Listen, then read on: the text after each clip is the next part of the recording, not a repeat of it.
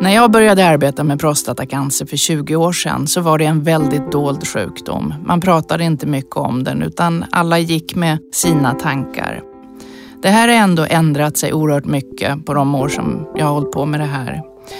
Prostatacancerdiagnosen den påverkar alla oavsett om det är en snäll tumör som man bara ska gå och kontrollera eller om den behöver behandlas. Välkommen till Prostatacancerpodden.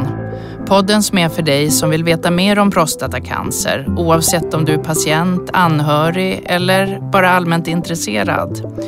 Jag som har podden heter Anna Bill Axelsson och är överläkare i urologi på Akademiska sjukhuset och docent i urologi. Dagens program handlar om hur det är att vara patient.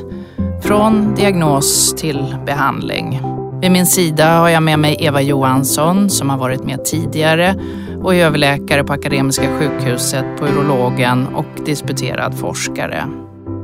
Dagens gäst är patient, men han är också aktiv i Prostatacancerföreningen och dessutom så är han urolog, eller pensionerad urolog.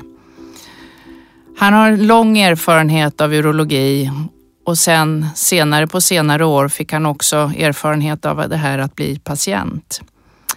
Välkommen Tore. Tack. Välkommen Eva. Kul att ni är här. När fick du prostatacancer och hur gammal var du då? Jag var faktiskt 71 år så när som på en vecka. Eh, och det var alltså sommaren 2009 som jag fick diagnos, eller fick beslut om att behandlas. Diagnosen hade jag nog fått ett halvår tidigare. Hur kom det sig att man upptäckte din prostatacancer? Att du fick den här diagnosen? Ja, det vanliga är nog inte bland urologer att man springer och tar sitt PSA i tid och otid. I alla fall inte i min generation. Utan det var min bror som fick en mycket våldsamt förlöpande prostatacancer och dog inom loppet av två år. Och så upptäckte jag att jag har ju faktiskt kusiner på pappas sida också som har behandlats för prostatacancer. Så då tänkte jag att eh, det, jag får nog lov att kolla det här. Så mitt första PSA tog jag väl ett år innan jag opererades och sen visade sig då vid biopsi att jag hade en cancer men man beslöt först att avvakta. Men så steg PSA. Så då beslutade vår kollega Mikael Häggman att vi skulle operera. Hur upplevde du det där med att få beskedet? Ja, där är jag nog ingen riktigt vanlig patient heller, men det är klart, det var inte kul. Det är ingenting man vill höra. Så helt opåverkad blir man faktiskt inte, även om man då vet en del om sjukdomen. Så att eh, några vakna nätter blev det nog. Det blev det. Tyckte du att du kunde ta in informationen? Ja, men du, du är van, du kan mycket om sjukdomen, men när du fick beskedet för de flesta brukar säga att det är som man stänger av, man hör inte mer. Hur, hur var det för dig? Ja, jag vet ju också det att när man har sagt till en patient du har cancer, då blir det bara brus i huvudet och man minns inte det som sades efteråt. Eh, jag kan inte säga att det var så eftersom jag var ju inte helt oförberedd och jag hade min bakgrund i mitt yrke. Så jag tycker nog, när jag pratade med min kollega eller han som gav mig beskedet att nu var ju resonemanget då att vi först bara skulle avvakta. Så det tog jag nog in då. Hur lång tid tycker du att det tog innan du kunde samla de här tankarna runt beskedet och, och hur gjorde du när du fick det? Gick du direkt och berättade för din hustru eller mm. hur, hur gick den biten till? Ja, jag berättade för Kristina tämligen omedelbart det är ju så med den här diagnosen som med alla cancerdiagnoser att det är ju inte bara den sjukes sjukdom, det är ju, det är ju familjens sjukdom. Därför att det påverkar alla och prostatacancer i hög grad så. Hur tog Kristina det? Ja, jag tror att hon ändå tog det ganska bra. Hon har ju också arbetat i vården framförallt sett sjuka barn och även cancersjuka barn. Men det är ju inte någon roligt besked att få för någon. Nej. Och hon hade ju sett min bror då tyna bort. Så det gjorde ju inte det hela lättare. Valde du att berätta för dina barn? Och... Ja, faktiskt inte förrän vi hade kommit fram till att vi borde behandla. Då berättade jag det. Dessförinnan var det Kristina och jag som visste det. Ehm, så att sommaren 2009 då samlade vi barnen och berättade det här. Hur var det? Ja, jo, även för dem var det ju det här minnet av min storebror Sture som en stark och senig bonde. Det var inte så lätt tror jag för dem. De såg ju det framför sig. Han var skallig efter eh, cytostatika sista gången de såg honom och sådär. Så det var ganska jobbigt för dem. Det tror jag. Och även för mig faktiskt. Är det så att man berättar på olika sätt? Vill man mera skydda sina barn när man berättar om sin sjukdom så man lägger det på en annan nivå? Eller har du några tankar runt det? Jo, men det tror jag. Medvetet eller omedvetet försöker man, ja inte förvärrad utan i alla fall inte jag, utan det blev nog en lite glättigare bild. Nu gjorde jag bedömningen innan på grund av min profession att det här kommer ju att gå bra. Men det kan man ju inte hundraprocentigt säkert veta förstås. För jag har mött många män som tycker att det var ganska lätt att säga till sin partner men väldigt svårt just att berätta för sina barn. För man, man vill vara den stora starka pappan och inte en cancersjuk pappa och man vill inte oroa dem. Och det blir en konstig roll jämfört med den rollen man hade när man bara var pappa. Mm. Så tror jag att det är. Nu är det ju då som regel så när man får den här diagnosen, det gäller inte bara mig, så är man ju något till åren kommen. Man har ju inte små barn, utan, om inte man har startat väldigt sent, utan man har ju vuxna barn. Men det är ju ändå så att pappa är pappa och ska vara det. Han ska inte vara en sjukling helst och inte mamma heller. Så att lätt är det inte. Det är svårare än att prata med sin partner, det skulle jag nog säga. Mm. Var det därför du valde att inte berätta från början också? Ja, jag tänkte det, så länge det är så här eh, att vi bedömer att det är en cancer som inte kräver behandling, då blir det bara ett orosmoment för dem att gå och vänta. Det räcker att Kristina och jag har det oss emellan. Sen om det var riktigt, det vet jag inte. Jag skulle gissa att ganska många män gör så. Jag vet inte vad ni säger. Jag tror också att det är så. Mm. Att just när man inte behöver genomgå någon behandling, för det är ju mycket svårare att dölja ja. om man ska in på sjukhus för att strålas ja. eller opereras. Mm. Men behöver man inte det, då vill man gärna skydda sina barn. Ja, för good and for bad. Jag tror att det kan vara så. Mm. Var det några andra du berättade om prostatacancern med? Vänner, kollegor?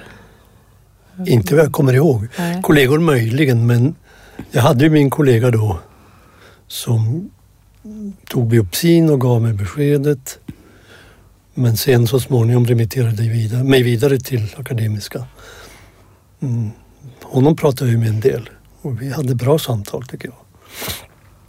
Men nej, jag tror inte jag pratade med så många andra. Vi män är ju inte så talkative i det här fallet.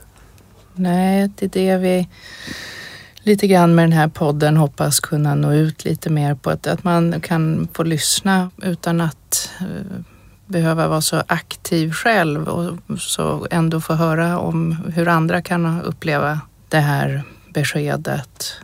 Skulle du säga att det är väldigt ensamt att få en sån här diagnos?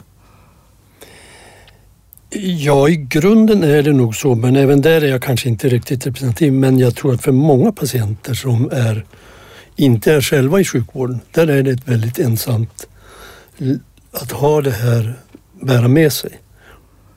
Och det är väl därför som det är svårt just att få beskedet och samtidigt få veta att eh, vi behöver inte göra något. Vilket ju är ett eh, råd som vi ger väldigt många, de med väldigt snälla tumörer.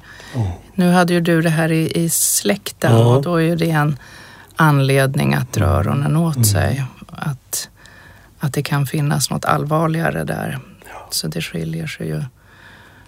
Men eh, du är ju, som du återkommer till, att du är ju urolog och du har ju jobbat med prostatacancer i massor med år. Och tycker du att du hade glädje av det eller var det lite av en förbannelse att ha så mycket kunskap?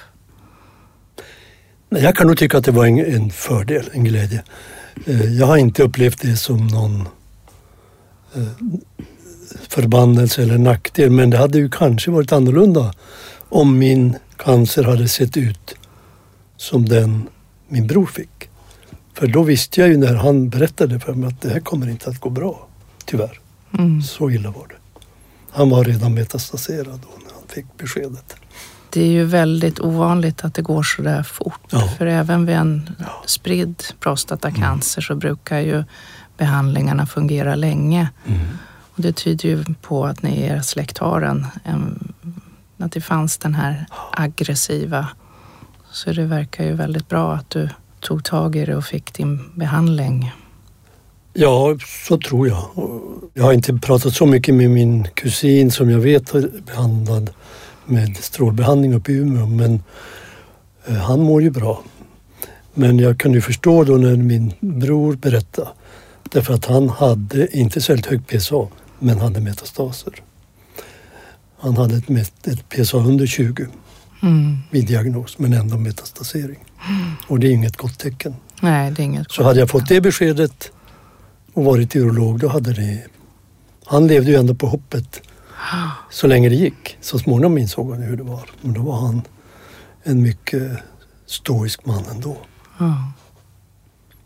Hur tänkte du då runt, sen när du valde behandling eller när ni valde det gemensamt? Hur tänkte du runt biverkningarna? Hur tänkte du runt dem innan och hur tänk, tänker du efteråt?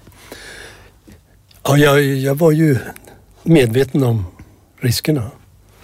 Eh, det var ju inte helt lätt att välja mellan operation eller strålning. Men jag valde operation, tror jag, lite grann både för egen del men också för familjens del för att få ett klart besked från början att PSA blev noll. För det i alla fall för familjen är det en väldigt bra besked att få. När du strålar så tar det ju längre tid. Men det var naturligtvis förenat med den risk som också sen blev verklighet att jag har en viss inkontinens för urin och impotens. Men det var ju en kalkylerad risk som vi hade pratat om, Kristina och jag också. Hur tycker du det är över tid? Blir det mindre bekymmersamt eller ligger liksom det där kvar och stör en eller hur? Ja, helt eh, helt bekymmersfritt är det ju inte att vara inkontinent, även om jag har en ganska beskedlig inkontinens. Men jag kan aldrig vara helt säker. Plötsligt, om man... Nu dansar jag inte hambo, men det skulle nog inte gå så bra. Men eh, man hostar till eller man gör något. Eller man dricker vin, det tycker jag om. Men det är förenat med vissa problem, kan jag säga. Nattetid går det bra. Men eh, det blir ju inte bättre över tid, det kan jag inte säga. Och jag är nog lat att eh, knipa också, tyvärr. Och det är ju det, är det vi ser också när vi tittar forskningsmässigt att det här att vi doktorer har trott att biverkningarna, de vänjer man sig vid och så, går det, så försvinner det och så, så stör den inte längre. Men, men så visar ju inte forskningen heller utan det visar att det fortsätter störa och kanske till och med stör mer vart efter tiden går. Ja, inkontinens är ju ett, ett irritationsmoment som inte blir bättre. Men ja, kanske inte så mycket sämre men det är, det är ju där hela tiden. Det är ju påtagligt. Det är inte kul och, som fenomen om man säger så. Och jag brukar säga att nu när jag pratar i Prostatacancerföreningen att hur mycket kontakt hade man med sin bäckenbotten innan? Inte särskilt mycket. Så det här med att knipa är inte naturligt för män. Men jag hade ju turen att vi fick lite instruktioner innan. Jag vet inte hur många som får det idag. Du nämnde också potensen som den biverkan som den stora majoriteten av män får. Hur har du upplevt det och hur har du upplevt det över, över tid? Nu som du säger så var ju väl medveten om den risken eftersom den är kanske 80 procent och särskilt i min ålder kanske ännu högre. Och särskilt eftersom jag hade ju märkt en viss potenssvikt redan innan och då visste jag ju att det var troligen så. Och så blev det ju också. Att jag blev i princip eh, impotent eh, när det gällde erektion. Men eh, vi har lärt oss att hantera det och vi hade ju pratat om det innan operationen. Kristina och jag. Mm. Och i vår ålder är det trots allt kanske inte ett dramatiskt problem, men visst är det ett problem. Ser du annorlunda på dig som man? Ja, jag vet inte om det beror på det, men man har nog blivit lite annorlunda. Man har blivit lite mera farbroderlig kanske. Nu. Men det kanske bara har med ålder att göra. Jag vet inte. Men är det, är det liksom en, en sorg som ändå ligger kvar eller? Ja, i någon mån är det ju det. För man ska inte förneka sexualitetens betydelse för ett förhållande. Den, den ska man vara väl medveten om. Och vi har haft ett väldigt bra förhållande. Men det är inte så att jag tänker på det varje dag. Inte heller nu sex år efteråt. Är det svårt att prata med sin partner om det här? För jag kan tänka att, att det är också ett bekymmer för den andra. Man är kanske van att bli bekräftad i mm. att ens man får ett stånd. Mm. Exakt. Och så händer inte det längre och, mm. och, och, det kan också påverka kvinnan, tänker jag. Och, och kanske någonting som inte är så lätt att prata om. Nej, det är nog säkert inte så lätt att prata om. Jag kan nog kanske inte säga att jag självklart är bättre än andra män bara för att jag är urolog. Utan det här har ju mer att göra med hur man kan prata med varandra i ett förhållande. Det är nog oberoende av vilket yrke man har haft. Jag tycker vi har klarat det ganska bra. Det hade säkert gått att göra ännu bättre men vi har ett fungerande förhållande även nu. Tycker du att du ändå kan säga att du var förberedd även om du visste att det här skulle komma? Var du förberedd eller var det ändå förvånande? Eftersom min erektionsvikt hade börjat märkas redan innan så var det inte förvånande. Men jag tror att för många, särskilt om man... Jag har ju nu efteråt haft patienter som har gått från ett praktfullt stånd till inget alls. Och där tror jag det är en väldigt... Eh, kan vara väldigt jobbigt, särskilt om man är yngre.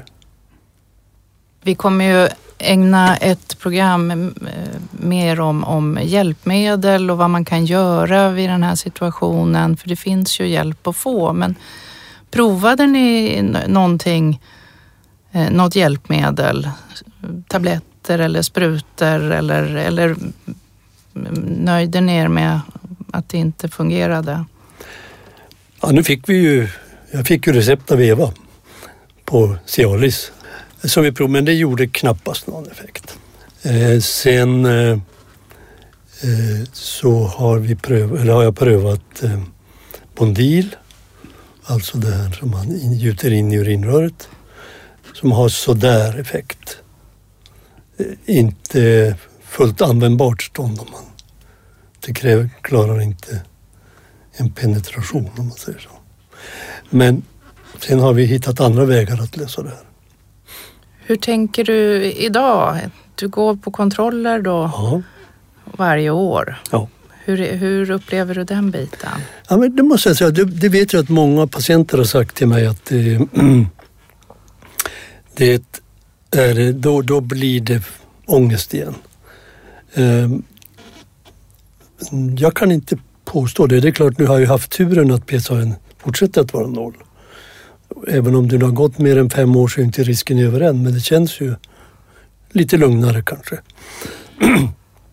men eh, nej, jag, det är också skönt att komma hem och kunna säga att ja, det, det är bra. Det är inga problem. För det är klart, även om biverkningarna är ett bekymmer så är ju trots allt livet det viktigaste. Man skulle gärna hänga med ett tag till. Absolut. Är det så att du går och tänker du på att den kan komma tillbaka? Är det något som så att säga finns som ett orosmoln eller tycker du att nu när det har gått så pass lång tid att du inte tänker på det? Eller är det något man tänker på dagligen att jag har haft den här cancern och den kanske kan komma tillbaka? Eller hur, hur, hur tänker du runt det där? Jag tänker inte på det varje dag, men det händer ju. Och det, det är ju så här som det står i Vem ska trösta knyttet att om natten är det hemska mycket värre än det är. Så det händer ju om nätterna att det kommer. Eh, samtidigt, där har jag tror jag ändå en, en nytta av att veta det jag vet genom mitt arbete. Att man får ju hålla sig till fakta. Jag har ju ingen tecken till recidiv ännu. Och för varje år som går så ökar väl chansen att det inte ska komma. Vad kan vi bli bättre på för att lindra detta? För det är klart att det här delar du med jättemånga mm. som är i din situation. Och som det nog är värre för eftersom man inte har den kunskap som jag har. Men det är inte alla i alla fall. Alltså det som har efterfrågats väldigt mycket det är kontaktsjuksköterskor. Eh, därför att man är bekvämare med att prata med en sån en, tycka att man ska besvära doktorn med det här. Det tror jag många fortfarande tycker. Men sen är ju det här med informationen, det är ju ett ständigt återkommande problem. För det, det räcker ju inte med en gång. Men eh, jag tycker nog ändå att, ja, jag har ingenting att klaga på men jag tror även att många av mina medbröder tycker att det är bättre än vad det har varit. Om än inte helt bra. I Uppsala så gör man ju ett forskningsprojekt som heter UCARE. Känner du till det? Mm. Det, det går ju ut på att man ska kunna använda internet och, mm. och, och, logga in sig på en plattform där man kan dels hitta information, dels kan man chatta och dels så kan man också få en form av eh, lottas till då att få sån här kognitiv beteendeterapi, att man kan få ett psykologiskt stöd. Och, och, när det där startade tyckte jag att det var väldigt viktigt att prostatacancer kom med som en, en eh, av grupperna för att få pröva det här. För jag tänker mig att det, det kan vara en möjlighet om man vaknar just i, i vargtimmen och känner oro och ångest att det, man kan eh, gå in då på, på internet och, och, och få ett stöd. Hur, hur tänker du kring det? Tror du på detta? Jag tror på det i ökande grad men vi tillhör ju en generation som är lite förlorad när det gäller IT-revolutionen. Så jag märker ju även i föreningen att det är ett antal, i alla fall i den äldre gruppen, som inte utnyttjar internet. Men jag tror absolut att det är bra. Och det har ju visat sig att just KBT är mycket användbart via internet. Så det tror jag absolut på. Patientföreningen, jag tänkte bara, hur kom det sig att du engagerade dig i den? Ja, jag råkar bo ett kvarter från den lokal där de har sina träffar. Så jag var lite påtagligt medveten om att den finns. Eh, men det är klart, jag kände ju på något sätt att jag kanske borde erbjuda mina tjänster i och med att jag har den här dubbla rollen. Och det visade sig att det ville man ju ha då. Om det är bra eller inte, det får andra bedöma. Men... Och det, kanske lite grann med tanke på min bror som ju var den typiske mannen på det sättet. Ja, men inte ska väl jag besvära doktorn, jag som är så frisk. Och så, där. så det här är ju information omkring sjukdomen kan vi aldrig få för mycket av tror jag. Och riktig information. Vi är, vi är lite osynliga fortfarande. Varför tror du att vi, vi är det? Ja, alltså män vill ju inte gärna prata om sin kropp och sin sjuk, sina sjukdomar. Jag brukar tänka på Saliks svärfar. Han gick inte ens in på apoteket utan då skickade han sin fru, du som är van vid sjukdom, hon hade varit sekreterare på sjukhus. Han var militär. Det säger en del tror jag om inställningen bland män till sjukdomar. Det blir genast ångestskapande och man blir osäker. Kvinnor har ju en annan eh, vana vid sjukdom om man säger så, eller sjukhus. För de flesta har fått barn eller så. Mm. Alla har haft mens. Och kanske också traditionellt pratar mer med varandra om, Ja, om livets olika skeden och, och där, jag vet att bröstcancerföreningarna är ju väldigt aktiva och jag vet också att ni sneglar lite för att, att ta, få inspiration från dem. Hur känner du, eller hur är det? Hur når, når, ni, når ni patienterna så, att- ni får, får med dem i patientföreningen? För det vet jag att ni vill. mm.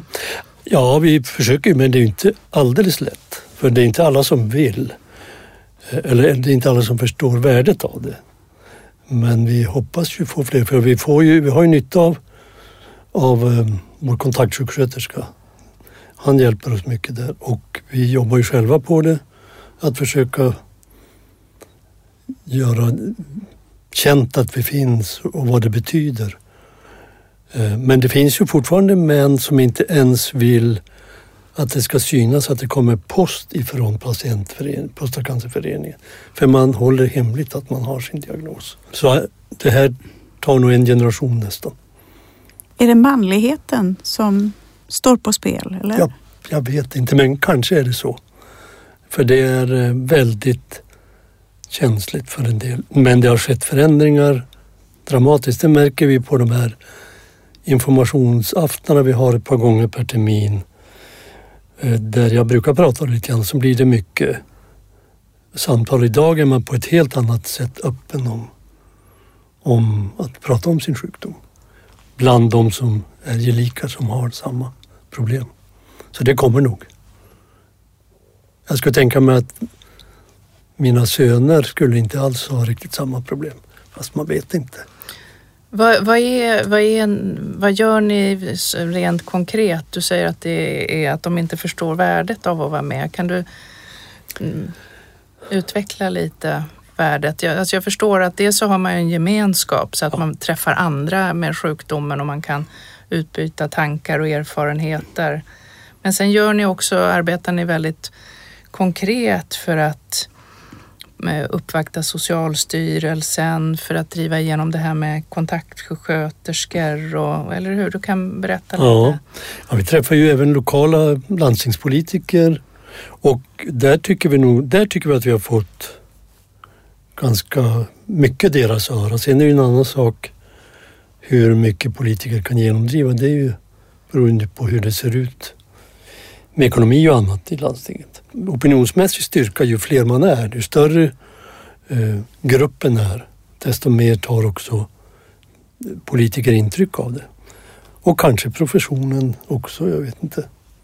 Det kan ni kanske svara mer på. Men, men eh, dessutom tror jag att vi har ett väldigt stort informationsjobb att göra.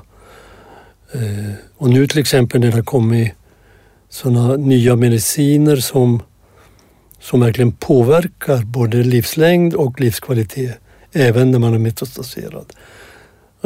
Där har vi försökt, eller håller på att göra ett informationsmaterial för att, ja man kan säga en utökad patientfass som patienterna kan gå till. Där. Det är inte så lätt för vår patientgrupp tror jag att gå och titta i patientfass eh, och hitta de här medicinerna. Så vi försöker informera på olika sätt, både inom bland patienter och män överhuvudtaget, men också bland politiker. Är det tanken att vi ska få en lite mer jämlik vård? Oavsett var man bor och hur nära man har till urologer. Att man ska få tillgång till rätt behandling. Ja, det kan jag säga. Så är det nog. Och kanske också lite grann påverka hur, hur vården organiseras. Där har man ju inom förbundet eh, en del synpunkter. Sen om de är realistiska så, det, men man framför dem i alla fall. Och det kommer nog i sinom tid förändringar, det tror jag. Och som jag har förstått det så är ni ungefär 10, har ni ungefär 10 000 medlemmar. Så att det börjar bli en, en ganska stor patientförening. Ja, Och ni är väldigt drivna i, i den här med att, att försöka påverka vården och jag upplever att det är stor förändring bara på de här 18 åren man har jobbat att eh, patientens perspektiv kommer fram väldigt mycket mer än, än tidigare. Det skulle nog jag säga också. Och ja, jag, när jag började en gång i en grå forntid då, då var det ju doktorn som bestämde. Och patienten sa, ja men det där vet doktorn bäst. Idag är ju patienter informerade på ett annat sätt. En del i alla fall. Nu kanske vi i Uppsala är lite speciella för vi har en genomsnittlig kanske hög utbildningsnivå bland de som är våra patienter också. Men jag tror rent allmänt så är man mer informerad idag. Tack så jättemycket Tore för att du kom. Tore Eklund som är patient och även urolog och även aktiv i patientföreningen. Tack Eva Johansson som är överläkare i urologi på Akademiska sjukhuset och också forskare disputerad inom livskvalitetsforskning. Jag heter Anna Bill Axelsson och är överläkare på urologen i Uppsala och docent i urologi och forskar om prostatacancer. Fler avsnitt hittar du på www.prostatacancerpodden.se. Det här programmet har spelats in och producerats på Beppo ljudproduktion och vi har haft hjälp av Erland Carling. Tack så mycket Erland.